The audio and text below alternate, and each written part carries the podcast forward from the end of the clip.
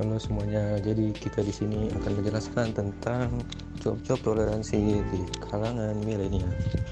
Jadi uh, di sini aku ditemani oleh empat orang teman. Yang pertama ada Fadia, ada Saputri, ada Sinta, dan ada Risa.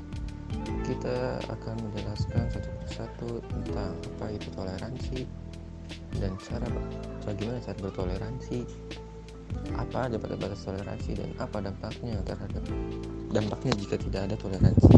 Dan saya akan menambahkan sedikit tentang bagaimana toleransi di, di pandangan pandangan Islam.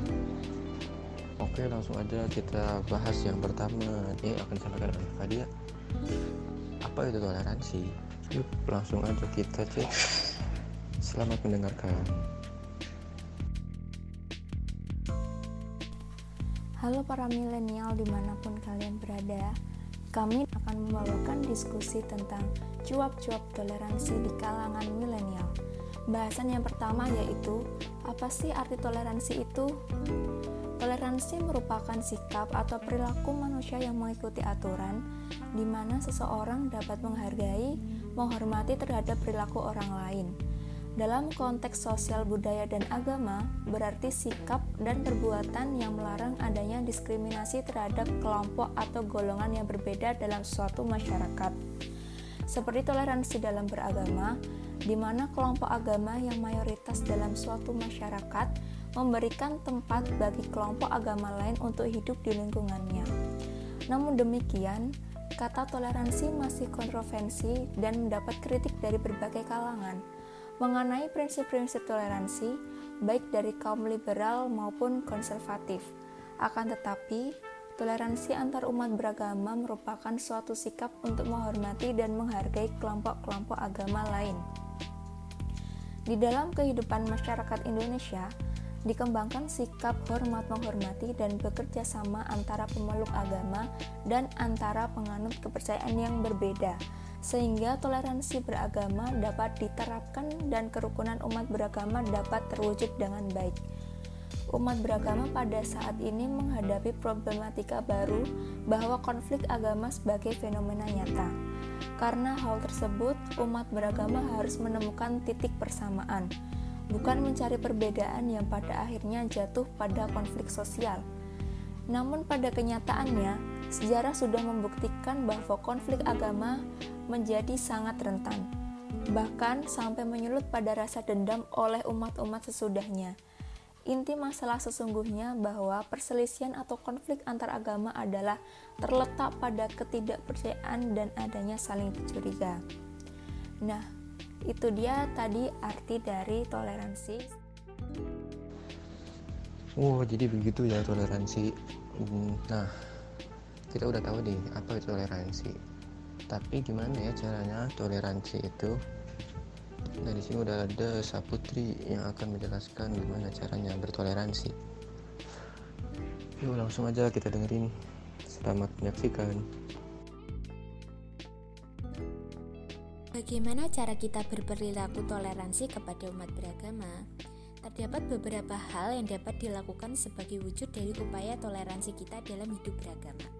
Yang pertama, saling berkunjung di masyarakat. Tujuan dari saling mengunjungi saudara-saudara kita yang berbeda agama adalah untuk mempelajari mengenai hal-hal positif dari agama lain, serta untuk saling menghormati dan menghargai. Kegiatan saling mengunjungi ini bukan hanya dilakukan oleh masyarakat saja, melainkan juga dapat dilakukan antar para pemuka agama. Dan tentunya dalam pertemuan ini yang dibicarakan adalah hal-hal yang sifatnya positif dan menghasilkan sesuatu yang positif pula. Yang kedua, mengunjungi tempat-tempat nasional dan tempat ibadah. Hal ini agar masyarakat lebih mengenal sejarah perjuangan para pendiri bangsa untuk mempertahankan negara dan keberagamannya. Yang ketiga, toleran terhadap pelaksanaan ibadah yang dianut oleh pemeluk agama lain. Hal tersebut baru-baru ini bisa kita lihat pada momen penjagaan yang dilakukan oleh pecalang umat Hindu terhadap pelaksanaan sholat tarawih umat muslim di Bandar Lampung. Dan yang terakhir adalah tidak memaksakan keyakinan agama yang kita anut kepada orang lain. Hal tersebut jika kita lakukan sama halnya dengan tindakan melanggar Undang-Undang Dasar 1945.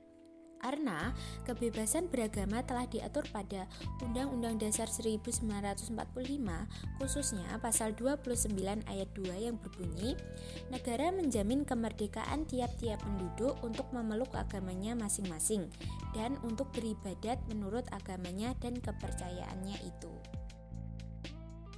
Oh, jadi gitu ya caranya kita toleransi. Nah, ternyata toleransi itu juga ada batas-batasnya loh gimana ya batas-batasnya itu? Apa aja ya batas-batasnya? Nah di sini udah ada Sinta yang tahu nih gimana apa aja sih batas-batasnya. Langsung aja yuk kita dengerin. Kita ketahui bahwa toleransi beragama memang sangat penting karena dengan itu kita bisa hidup rukun berdampingan dengan masyarakat yang memiliki perbedaan agama. Namun dalam bertoleransi kita juga nggak bisa seenaknya sendiri. Ada batas-batas dalam bertoleransi yang harus kita ketahui. Batas-batas tersebut antara lain yang pertama, tidak memaksa kepada umat beragama lain untuk masuk ke dalam agama yang dianutnya. Kita kan sudah diberi kebebasan untuk memilih agama apa aja sesuai dengan keyakinan kita. Jadi janganlah memaksa orang lain untuk masuk agama mana gitu. Kemudian yang kedua, memberikan kesempatan dan keamanan untuk umat beragama lain dalam melaksanakan ibadah. Misal nih, contoh realnya itu di lingkunganku. Umat muslim sama umat kristennya 50-50 gitu, jadi separuh-separuh. Nah terus kalau misal mau ngadain kegiatan kerja bakti, biasanya kan di hari minggu, di pagi hari. Nah, hari Minggu itu kan waktunya umat Kristen untuk beribadah. Jadi kita kerja baktinya dibikin shift gitu. Ada yang shift pagi, ada yang shift siang atau sore. Biar yang umat Kristen paginya bisa ibadah dulu. Jadi nggak maksa harus ikut kerja bakti pagi. Kemudian yang ketiga, memberikan kebebasan kepada umat beragama lain dalam merayakan hari besar keagamaan mereka. Jadi kita nggak boleh ya melarang umat beragama lain untuk merayakan hari besar keagamaan mereka. Walaupun hal tersebut mungkin saja sedikit berdampak pada kehidupan agama lain. Misalnya nih di Bali, umat Hindu kan ada hari raya Nyepi. Dan hari itu kan benar-benar semua kegiatan itu dihentikan dan banyak listrik yang dimatikan juga. Nah, masyarakat yang bukan termasuk beragama Hindu harusnya bisa toleransi gitu, karena itu termasuk hari besar keagamaan mereka. Jadi kita nggak boleh protes atau bahkan melarangnya gitu.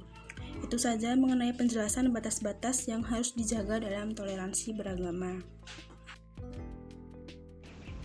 Oh, begitu ya batas-batasnya. Nah, tapi aku kepikiran nih gimana ya kalau kita misal gak ada toleransi apa yang akan terjadi? Apa apa dampaknya kalau nggak ada toleransi? Nah di sini udah ada udah ada Risa yang akan menjelaskan gimana tuh dampaknya kalau nggak ada toleransi. Apa yang akan terjadi ya? Yuklah kita langsung. Selamat mendengarkan Selain itu, ada juga dampak yang dapat ditimbulkan dari tidak adanya sikap toleransi agama antar sesama. Apa saja sih dampaknya?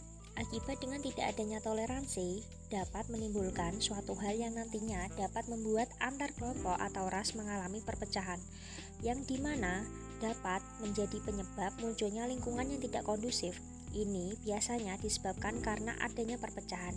Yang kedua, kurangnya rasa aman. Semua orang mungkin akan merasakan ketakutan yang luar biasa akibat tidak adanya toleransi. Yang ketiga, munculnya sifat saling tidak percaya antar golongan. Yang keempat, adanya diskriminasi antar agama yang ada dan menganggap seolah-olah itu agama yang dianutnya lah yang paling benar tanpa menganggap agama lain itu ada. Uh, tetapi di samping itu ada beberapa juga nih sifat atau perilaku yang harus ditanamkan dalam masing-masing pribadi guna mencegah adanya sikap intoleransi, yaitu antara lain tidak memaksakan kehendak diri diri sendiri kepada orang lain. Uh, yang kedua, peduli terhadap lingkungan sekitar. Yang ketiga, tidak menonjolkan suku, agama, ras, golongan maupun budaya tertentu. Yang keempat, tidak menempuh tindakan yang melanggar norma untuk mencapai suatu tujuan tertentu. Dan yang terakhir, tidak mencari keuntungan diri sendiri daripada kesejahteraan orang lain. E, itulah mungkin beberapa dampak dan juga cara mencegah adanya intoleransi yang ada di lingkungan kita. Wah, ternyata sangat penting ya para milenial toleransi beragama di antara kita.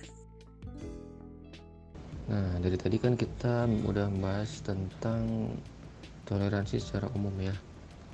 Nah, di sini aku pengen menjelaskan ten sedikit tentang toleransi dalam pandangan Islam. Yap, agama yang paling besar di Indonesia ini, yang menjadi mayoritas di Indonesia. Jadi berdasarkan pengalamanku dulu waktu sekolah, aku pernah dapat pelajaran pendidikan agama Islam dan mendapatkan materi tentang tasamu. Apa itu tasamu? Jadi singkatnya tasamu itu adalah bahasa Arabnya toleransi. Yap, di dalam Islam juga ada uh, ajaran tentang toleransi. Di dalam uh, Al-Qur'an ada beberapa ayat menjelaskan tentang yang yang maknanya adalah makna toleransi. Mungkin sebagai uh, teman-teman muslim tahu lah ya surat Al-Kafirun uh, ayat 1 sampai 6. Nah, di ayat yang ke-6 itu dalam ayat 6 surat itu artinya untuk mula agamamu dan untukkulah agamaku dari situ jelas uh, kita uh, umat muslim itu diperintahkan untuk membiarkan orang lain dengan agamanya sendiri dengan keyakinan sendiri untuk beragama untuk ber, ber, berkeyakinan dengan keyakinan sendiri.